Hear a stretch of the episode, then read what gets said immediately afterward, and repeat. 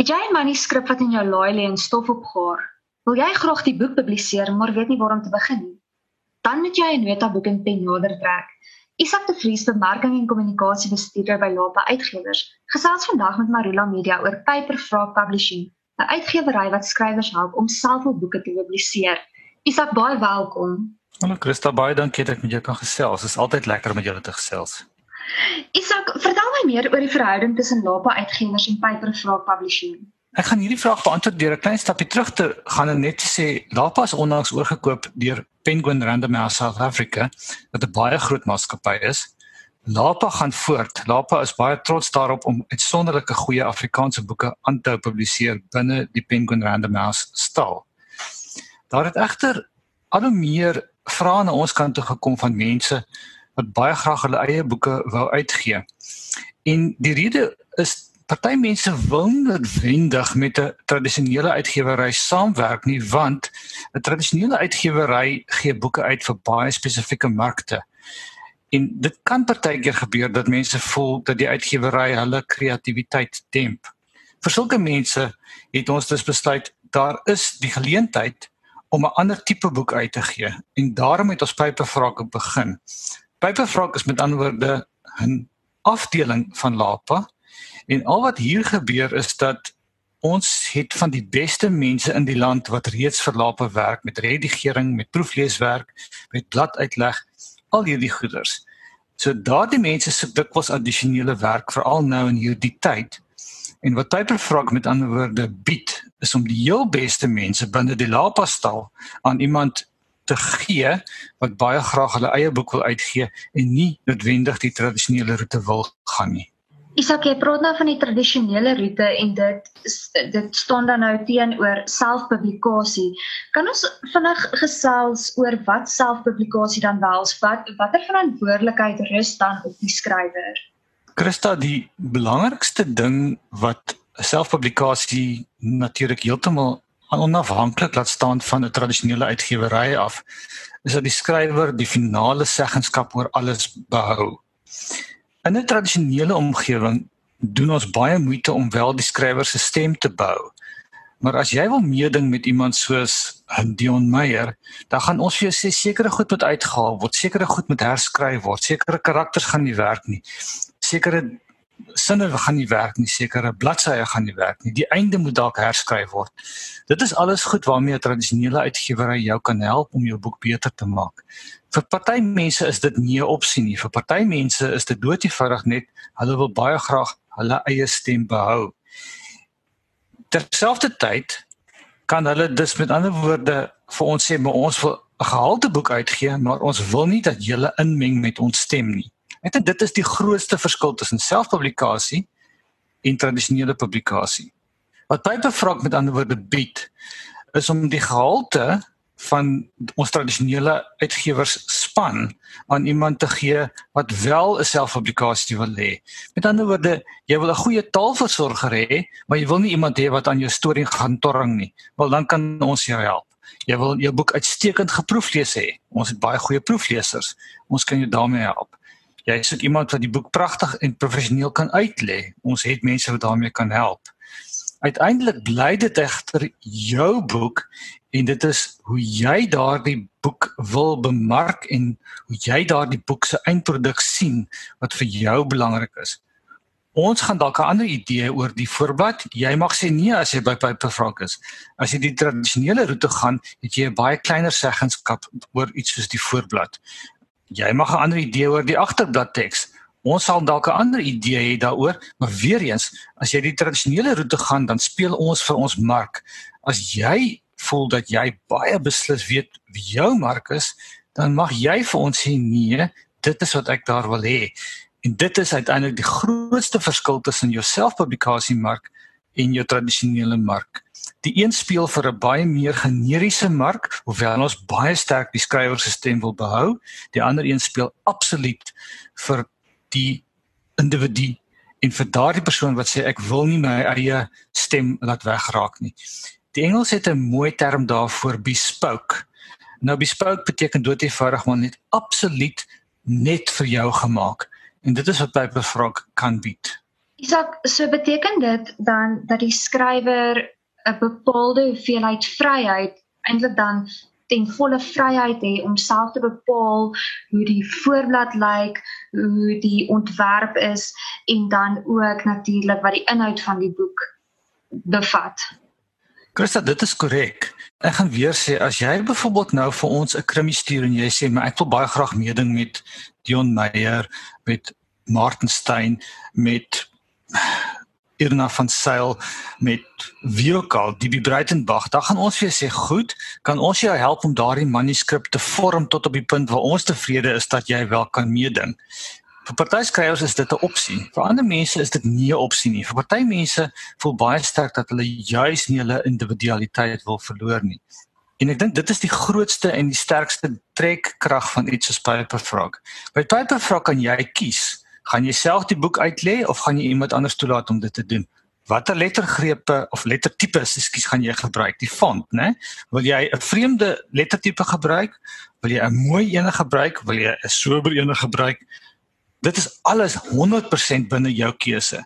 En jy betaal uiteindelik vir daardie produksie. Jy kan dit sê. As jy 'n spesifieke foto op jou voorblad wil hê, dan is dit jou keuse om daardie foto daar te sit. En dit is die die wonder van die selfpublikasie is jy het totale vryheid daaroor. Jy kan kies om te sê, "Goed, ek weet dalk my spelling is nie baie goed nie. So stel die beste professor in die land aan en laat ons seker maak dat my spelling korrek is." Dan gaan daardie persoon wel seker maak dat elke woord korrek gespel is, maar hulle gaan nie jou storie vir jou probeer beïnvloed nie. As jy tradisioneel kom, dan gaan ons weer eens dalk vir jou sê nee, maar weet jy daardie het 'n probleem of hierdie karakter is dalk nie reg nie. Jy het totale seggenskap uiteindelik oor 'n selfpublikasie.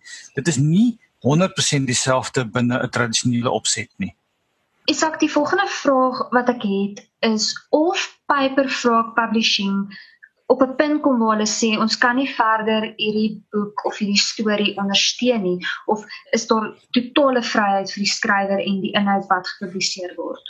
Christa, die eenvoudigste antwoord is dat ons grootliks feitelik alles sal uitgee wat na ons kant toe kom en ek sê feitelik want ek dink daar is sekere goed binne die gemeene reg waar 'n ou kan moeilikheid optel. As ek byvoorbeeld nou 'n baie lelike boek gaan skryf oor Christa Stein van Morula Media en dis vol leuns. Dan dink ek jy het reg om vir Piperfrog te sê ek dink nie jy moet daardie boek uitgee nie. Kan jy verstaan wat ek vir jou sê? Met ander woorde, ons sal baie moeilike boek uitgee waar ons aan die verkeerde kant van die reg gaan beland byvoorbeeld. Ek dink Piperfrog het byvoorbeeld juist daardie vermoë om te sê as iemand na ons toe kom en sê ek het 'n bepaalde idee oor my Christendom En hoe ek my godheid sien is heeltemal anders as wat die mense daar buite dit sien. Ek wil graag vir julle vertel hoe ek my God sien. Dan gaan ons jou help daarmee. Dit is geen probleem nie. As jy vir my sê ek wil baie graag gedigte publiseer in 'n tipe variant van Afrikaans wat nog nooit van tevore gedoen is nie en jy mag nie daarmee sukkel nie. Al wat ek wil hê, jy moet hierdie boek vir my mooi maak. Dan gaan ons jou help daarmee. As jy byvoorbeeld vir ons sê ek wil 'n baie bepaalde politieke inslag hê oor 'n spesifieke soort boek, dan kan ons jou help daarmee. Ons gaan as daar 'n probleem kom in terme van regstegniese terme, sal ons dalk vir jou kan help en raad bied daarmee, maar uiteindelik solank ons binne die perke van die wet en redelikheid bly, kan ek nie sien dat ons 'n probleem sal hê om iemand te kan help om hulle eie boek uit te gee nie. Dit is presies die soort kwessies wat ons kan ondervang met iets soos Paperfrog is om te sê jy mag jou eie unieke stem na ons kant toe bring en ons sal jou ten beste help sover as wat ons kan. Isak so uiteraard sal die proses by sommige skrywers aanklank vind waar ander skrywers dan sal verkies om onder die sekuriteit van 'n uitgewery te beweeg. Het jy dalk 'n paar wenke wat jy met voornemende skrywers of dalk selfs gevestigde skrywers wat hierdie roete wil volg? Het jy 'n paar wenke wat jy dalk met hulle kan deel? Ek dink die eerste en die belangrikste rede is om mooi te dink hoekom jy nie die tradisionele roete wil gaan nie. Soveel as wat ek trots is op Paperfrog en soveel as wat ek vir jou wil sê asseblief kom na ons toe ons wil jou graag help. Soveel kan ek ook vir jou sê dat jy gaan meer geld maak en jy gaan waarskynlik 'n beter naam daar buite kry as sê met die tradisionele roete gaan. Daar is heelwat van ons laba skrywers byvoorbeeld wat reeds die selfpublikasie roete gegaan het. En ek wil net 'n voorbeeld noem. Onthou Paper Frog is definitief nie die enigste een in die land nie. Daar's baie ander. Daar is byvoorbeeld ook die vermoë om 'n boek net eenvoudig op Kindle te gaan dump, né? Nee? Amazon het daardie opsie. Ons sien dit baie by ons as ons 'n boek afkeer, 24 uur later is daai boek ongelees, ongeredigeer, ongeproeflees net so op Kindle. En daar is mense wat heelwat van daardie boeke verkoop. Dit is werklik nie 'n probleem nie. As dit is die roete wat jy wil gaan, jy wil net gewoon jou storie daar buite hê. Jy wil net hê mense moet dit lees en as jy nog bovendien 'n paar rand daarmee kan maak, dan is Kindle vir jou 'n baie baie goeie roete om te gaan. Jy hoef nie deur Paperfrog te gaan nie. Wat Paperfrog jou kan help is om te sê, "Goed, Ons wil baie graag vir help om hierdie boek mooier te laat lyk, om die taal te versorg, om die redigering te doen en dis meer. Ons sal selfs te ver kon gaan om as jy nou regtig waar wil, kan ons vir jou iemand aanstel wat kan help om die teks so te kry dat dit met antwoorde nader is aan die korrektheid wat 'n tradisionele uitgewery sou plaasvind. Met antwoorde manuskripontwikkeling noem ons dit. Daar's verskeie stappe waarmee ons jou kan help of wat jy eenvoudig net kan sê ek nie wil hê nie dit is eenvoudig die keuse van die persoon om self uit te gee.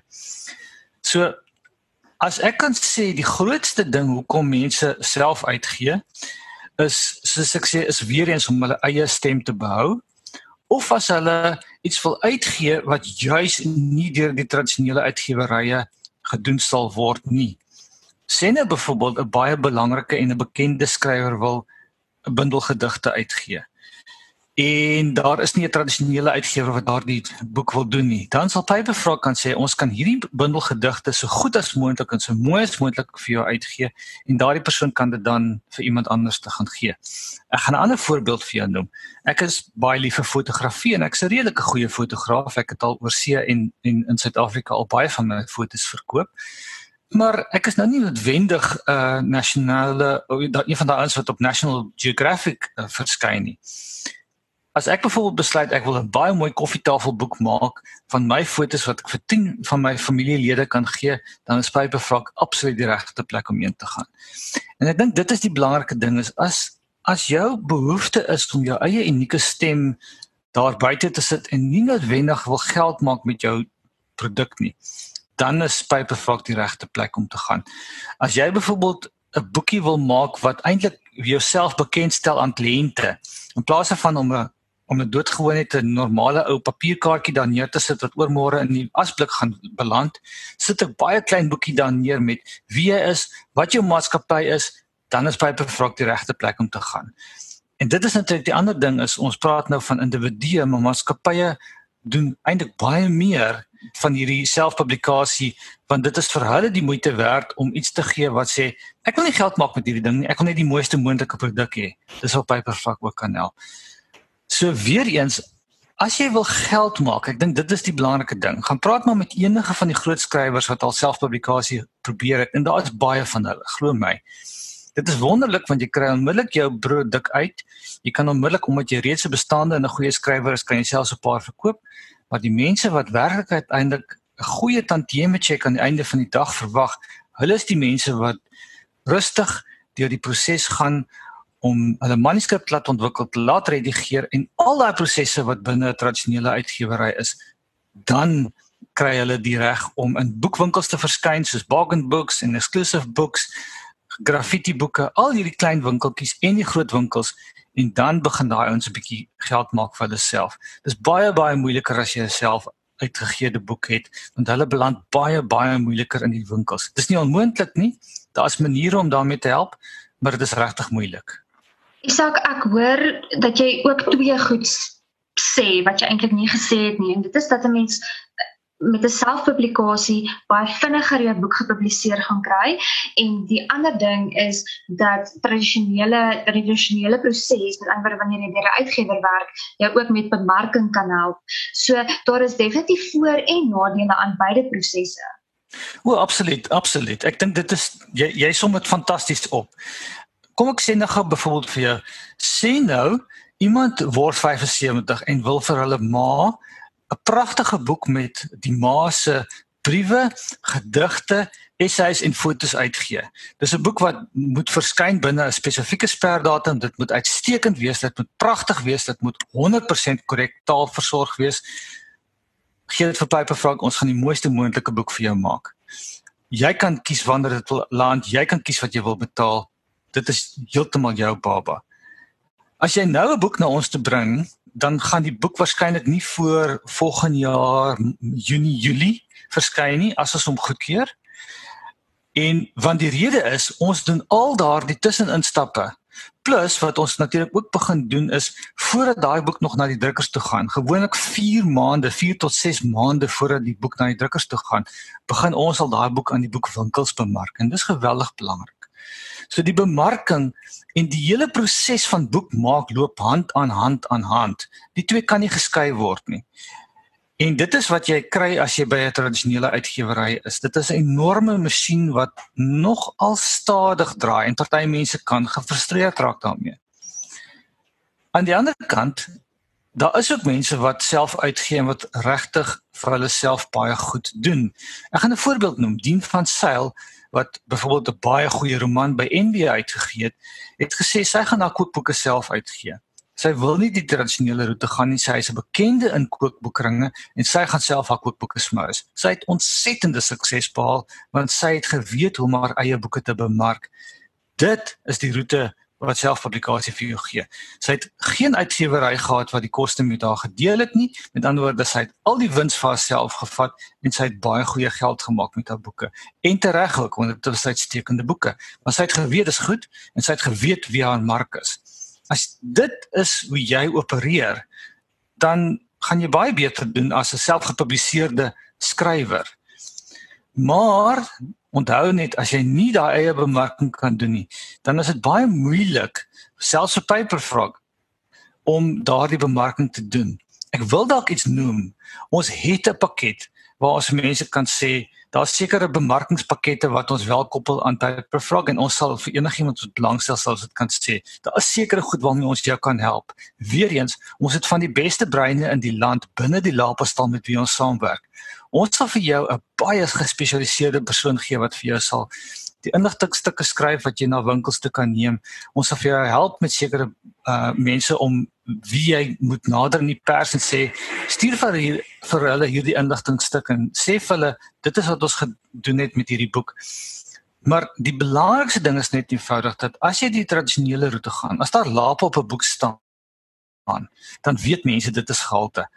As daar nie so 'n stempel op staan nie, byvoorbeeld as jy nie NB se soos iemand in Rousseau of Tafelberg of of dan nou binne die Penguin Random House stel die die pikkewyntjie ag by agterblad of 'n museum of so iets. Daar's baie sulke goed Protea en so. Daar's goeie uitgewerye in Suid-Afrika wat fantastiese boeke doen.